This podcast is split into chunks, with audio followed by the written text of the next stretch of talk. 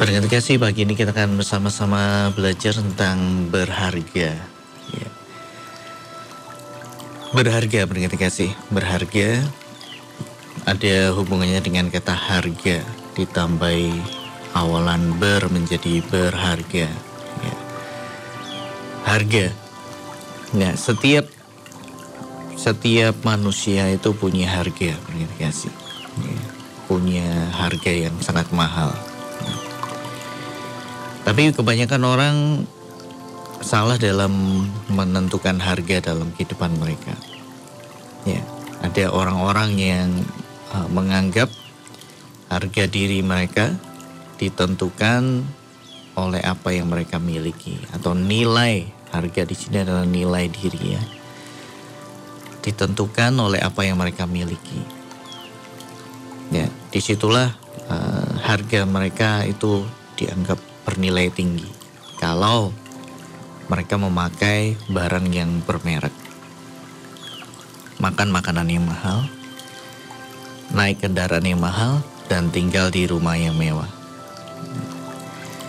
Nah, ketika tidak sanggup menggapainya, akhirnya orang merasa menjadi orang yang tidak berharga. Ya. Jadi, bagaimana sebenarnya harga dalam kehidupan ini, berarti sih? Kalau kita menentukan harga diri kita dari semua hal itu, ya itu adalah sesuatu yang kadangkala sulit untuk dicapai. Ya. Nah, harga diri kita ditentukan oleh Tuhan, benar sih? Ya, kenapa manusia berharga? Kita mau merenungkan kenapa manusia berharga. Ya. Sebelum kita bicara manusia, kita bicara tentang uang dulu. Anda tahu selembar uang 50 ribu atau selembar uang 100 ribu, kenapa uang itu berharga? Kenapa kalau jatuh di jalan diambil orang? Ya, kenapa kalau ada orang yang menyebar uang ya, kita dengan rela memungutnya. Ya. Kenapa selembar uang 50 ribu dan 100 ribu itu menjadi berharga sih? Apakah karena tampilan fisiknya, ya, tampilan tampilannya bagus ya, apalagi yang warnanya merah. Apakah karena tampilannya bagus maka dia menjadi begitu bernilai sehingga orang ini memperebutkannya. Seandainya uang itu difotokopi dengan mesin fotokopi yang canggih jadi difotokopi dan tetap berwarna. Yang 50 ribu tetap berwarna 50 ribu.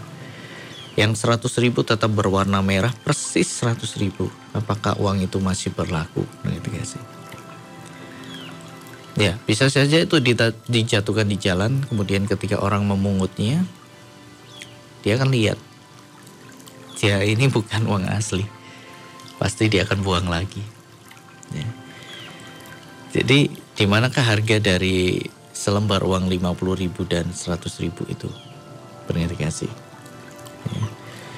Anda kalau menemukan uang 50 ribu dan 100 ribu yang asli, pasti begitu Anda memungutnya, Anda menelitinya, oh ini ada tanda-tanda khusus kalau ini uang asli. Pasti tidak akan Anda buang lagi. Anda akan masukkan ke kantong.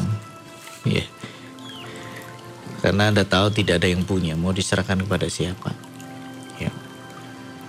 Atau Anda mau berikan kepada orang yang membutuhkan juga silakan. Ya.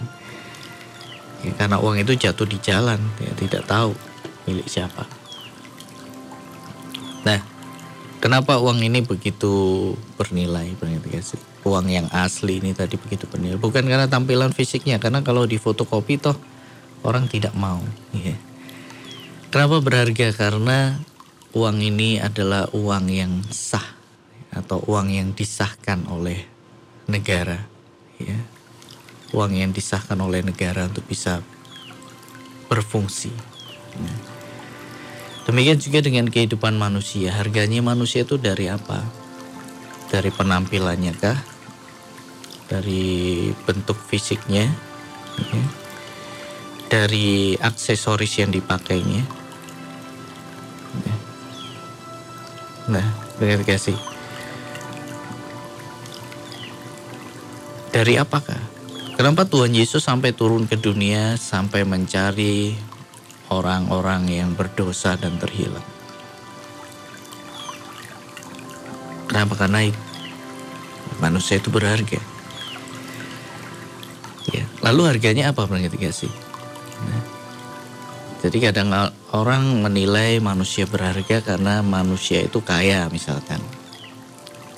Diperlakukan dengan sopan, ya. Kan? Kita sering kali menjumpai itu, orang-orang kaya diperlakukan dengan terhormat, dengan sopan, diberikan tempat duduk yang paling depan, ya. Tidak pernah disinggung, ya. Walaupun berbuat salah seperti apa pun, tidak pernah ditegur dengan keras walaupun salah sih tapi orang takut menegur dengan keras. Kenapa? Karena ini orang kaya ini orang berada ini orang yang bisa mendatangkan keuntungan. Ya seperti itulah ya. Orang kadang menilai berharganya manusia dari kekayaannya. Coba kalau ada orang yang miskin diperlakukan istimewa atau tidak? Kalau salah dibentak-bentak atau ditegur secara halus. Kebanyakan dibentak-bentak, apalagi kalau kelihatan tidak punya kasih. Berbuat salah dibentak-bentak. Berbuat salah dicaci maki seenaknya. Karena menganggap apa orang miskin tidak ada harganya. Ya kan?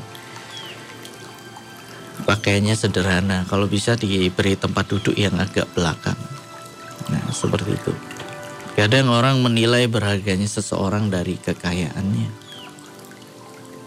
Kadang orang menilai seseorang dari status sosialnya. Kadang orang menilai berharganya seseorang dari jabatannya. Semakin tinggi jabatan, semakin dihormati. Ya. Semakin tinggi jabatan, semakin dihargai. Nah. Tetapi apakah benar itu harganya? Ya. Kaya, status, jabatan, tampan, ganteng, cantik, ya, biasa diperlakukan khusus, ya kan? Nah, coba kalau wajahnya tidak terlalu cantik, tidak terlalu tampan, diperlakukan semena-mena. Ya, sering kali seperti itu benar sih. Kalau dengan orang yang dianggap cantik, tampan, bicaranya hati-hati sekali. Ya. Kalau bisa tidak ingin disakiti. Kenapa? Karena dianggap harga dirinya tinggi. Ya, tapi mari kita melihat apakah harga diri manusia seperti itu. Ada juga orang yang menganggap uh, satu pribadi itu berharga kalau masih mendatangkan keuntungan. sih. Kalau sudah lemah dan tidak berdaya dianggap tidak berharga. Betulkah demikian? sih. Ada orang yang dulu muda, kerja keras, menghasilkan, bisa memberi, kemudian dihargai. Tapi kemudian ketika sudah tua, tidak menghasilkan, diperlakukan dengan seenaknya karena dianggap tidak berharga. Kenapa? Karena dianggap tidak bisa memberikan apa-apa lagi. Tapi berbeda dengan Tuhan, kita lihat Tuhan kasih. Dia turun ke dalam dunia mencari orang yang berdosa. Orang berdosa yang sudah terhilang, Kenapa? Karena dia tahu bahwa ini adalah gambarannya. Ya. Ini adalah buatan tangannya. Ini adalah kopinya. Ya. Jadi manusia berharga karena ya manusia adalah gambaran Allah. Gitu sih berapapun seperti apa pun keadaan mereka manusia itu adalah gambaran Allah. Ya. diciptakan menurut gambar dan rupa Allah. Nah itu adalah sesuatu yang luar biasa.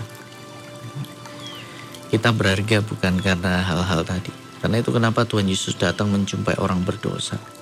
Nah, bahkan banyak orang protes waktu Tuhan Yesus melayani di dunia kenapa kak kau kumpulnya dengan orang-orang seperti itu? Ya, Tuhan menjawab bukan orang sehat yang butuh tabib, tapi orang sakit.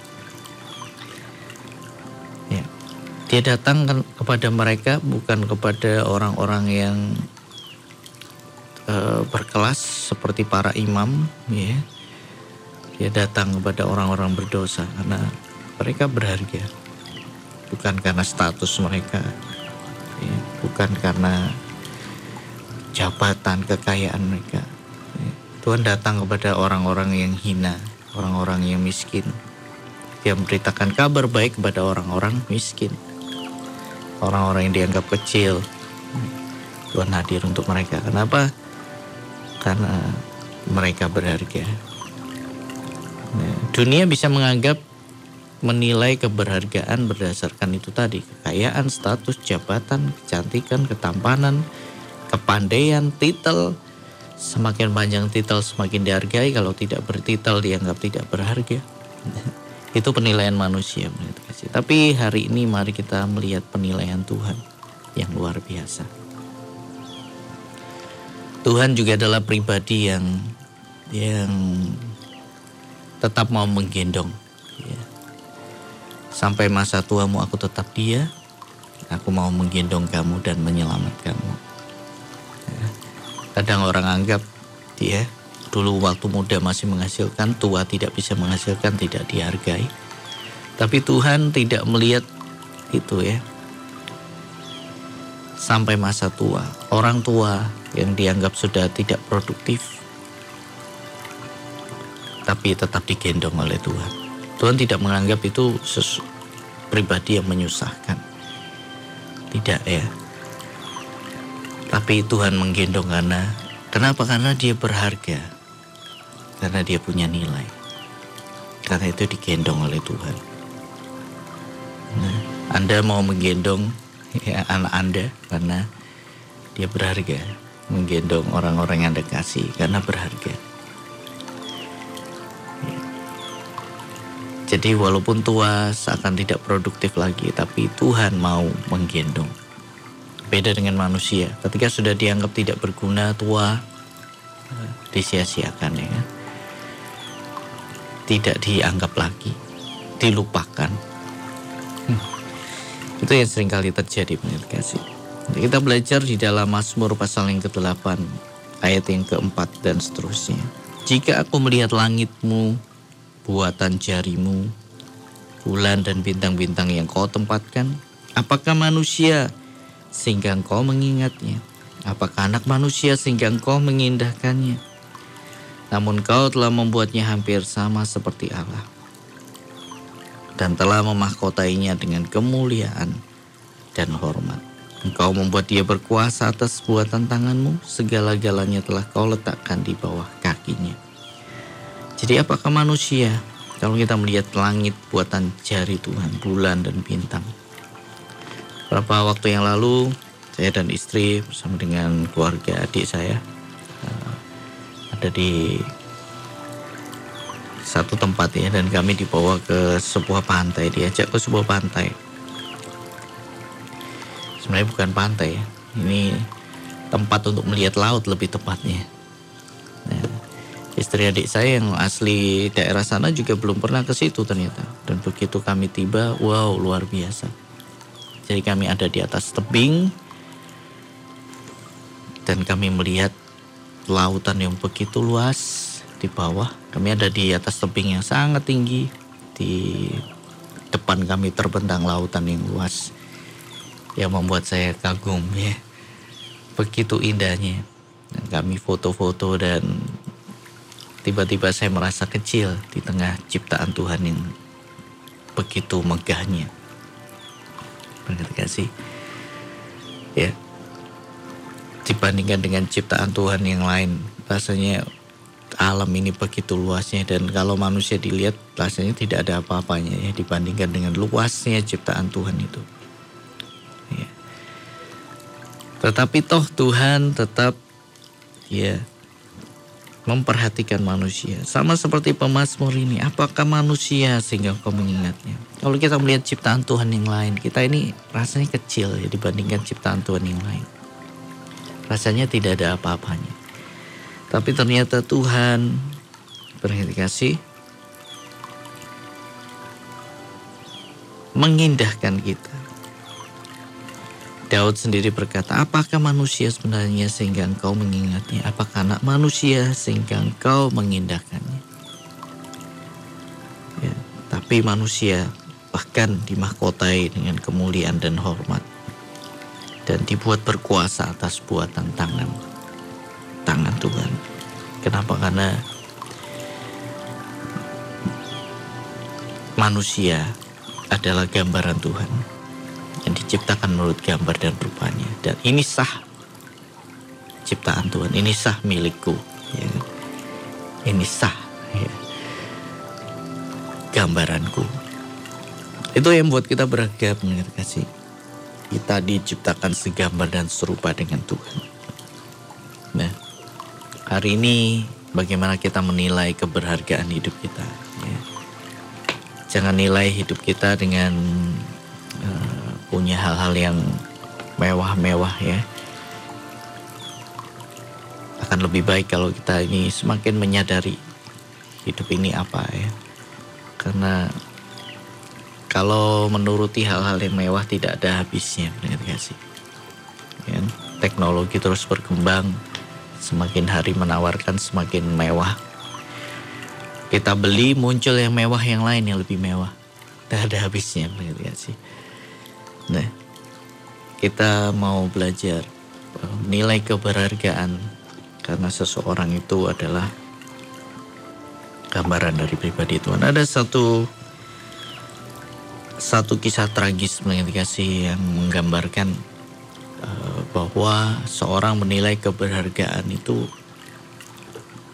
uh, dari menyusahkan atau tidak menyusahkannya. Jadi kalau menyusahkan dianggap tidak berharga.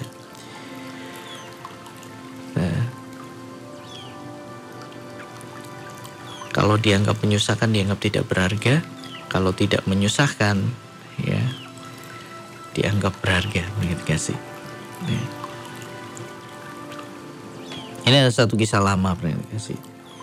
Tapi ada juga seorang yang mengalami hal yang serupa. Ya. Kan. Nah, suatu saat ada seorang CEO di sebuah perusahaan alat berat. Eh, kehidupannya cukup berhasil kalau dilihat banyak orang kagum dengan kehidupannya. Tetapi CEO ini menceritakan sebuah cerita yang yang nyata tentang kehidupannya. Ya. Yang ternyata membuat uh, orang bisa kagum bukan hanya karena keberhasilannya tetapi karena kehidupannya. Nah, CEO ini punya anak dan anak ini lahir dengan kondisi cacat mental. Cacat mental kan dianggap menyusahkan ya. Tapi dengan bangga dia bercerita kalau anaknya sudah mulai bersekolah di sekolah luar biasa. Ya, dia bangga seperti orang tua lain dengan anaknya yang lahir normal. Dan tidak terlihat rasa malu atau penolakan terhadap anak yang cacat mental ini. Nah, anak ini adalah buah cinta mereka satu-satunya yang kelahirannya sudah didambakan setelah enam tahun lebih menikah. CEO ini bukan hanya berhasil kasih, tapi dia ini uh, mempunyai uh, nilai diri yang luar biasa dan dia bisa menghargai anaknya yang cacat mental ya. dia menerimanya dia tidak menganggap anaknya yang cacat mental ini tidak berharga tapi dia pandang dia berharga kasih. nah kalau orang tua yang normal mendapatkan anak yang seperti ini ada nada kecewa, sedih, itu pasti. Ataupun mengingkari pada kenyataan. Ya, boleh dikasih.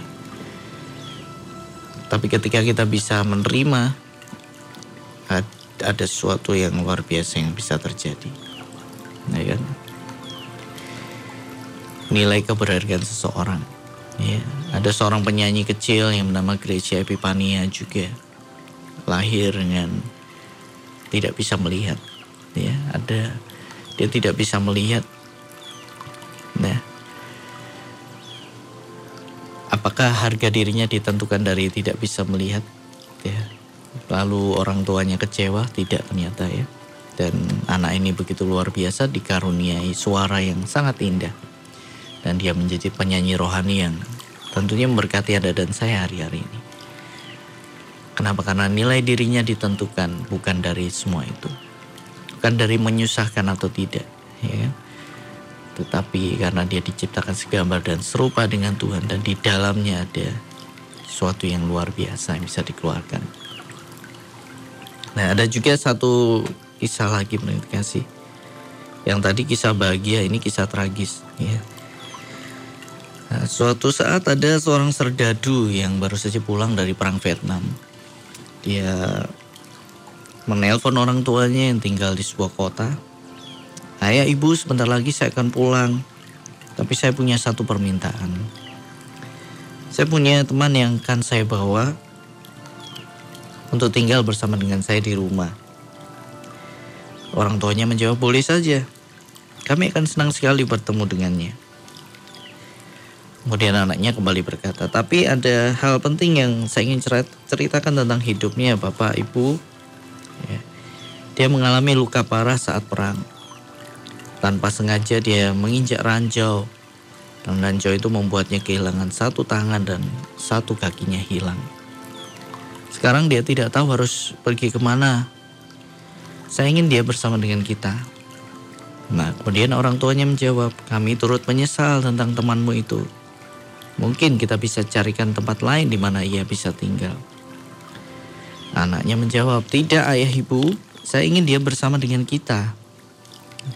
Kemudian orang tuanya membalas telepon itu. Nak, kamu tidak tahu apa yang kamu minta. Orang dengan kondisi cacat seperti itu akan menjadi beban untuk kita. Kita punya kehidupan sendiri dan kita tidak mungkin membiarkan anak seperti itu, orang seperti itu mengganggu kehidupan kita. Kami pikir lebih baik kamu pulang dan lupakanlah orang itu, lupakanlah temanmu itu. Dia pasti akan menemukan jalan hidupnya sendiri. Setelah mendengar jawaban dari orang tuanya, telepon itu ditutup oleh anaknya. Sampai beberapa hari lamanya, kedua orang tua itu tidak mendapati kabar tentang anaknya. Tapi suatu hari, mereka menerima telepon dari kepolisian sebuah kota, kota setempat Anak mereka ditemukan meninggal setelah jatuh dari gedung dan anaknya diperkirakan bunuh diri. Ya. Dengan penuh perasaan sedih, kedua orang tua itu ke rumah sakit yang ditunjukkan oleh polisi. Mereka diminta untuk mengenali jenazah anaknya. Dan mereka pun mengenali wajah anaknya yang telah meninggal. Tapi yang membuat mereka terpukul adalah ternyata anaknya itu hanya mempunyai satu tangan dan satu kaki. Teman yang diceritakan lewat telepon kepada orang tuanya itu tidak lain adalah dirinya sendiri. Dia ingin tahu seberapa besar orang tuanya bisa menerima keadaan yang menyusahkan. Tapi dia mendapati orang tuanya tidak bisa menerima keadaan seperti itu pendengar dikasih. Nah ini satu kisah tragis. Betapa orang menilai keberhargaan seseorang dari menyusahkan atau tidak menyusahkannya. Ya. Kalau anggota tubuhnya normal diterima. Ya, kalau sudah hilang ya misalkan karena kecelakaan Anda mungkin punya anggota keluarga yang dulunya normal terus kemudian kecelakaan kehilangan satu tangan satu kaki dianggap menyusahkan Apakah nilai manusia dari semua itu? Tidak ya. Keberhargaan manusia adalah karena dia segambar dan serupa dengan Tuhan. Kita meneladani Tuhan yang luar biasa. Bahwa sampai masa tua dia akan menggendong kita. Masa di mana kita ini ya sering kali dilupakan. Bahkan banyak yang dibuang ke panti jompo. Masa di mana dilupakan dianggap tidak berguna, dianggap tidak berharga, tapi justru Tuhan menggendong sampai masa tua. Di mana kita menilai keberhargaan dalam hidup ini kasih? Ya. Mari kita melihat manusia sebagai pribadi yang berharga bagi Allah. Yang rusak dibetulkan,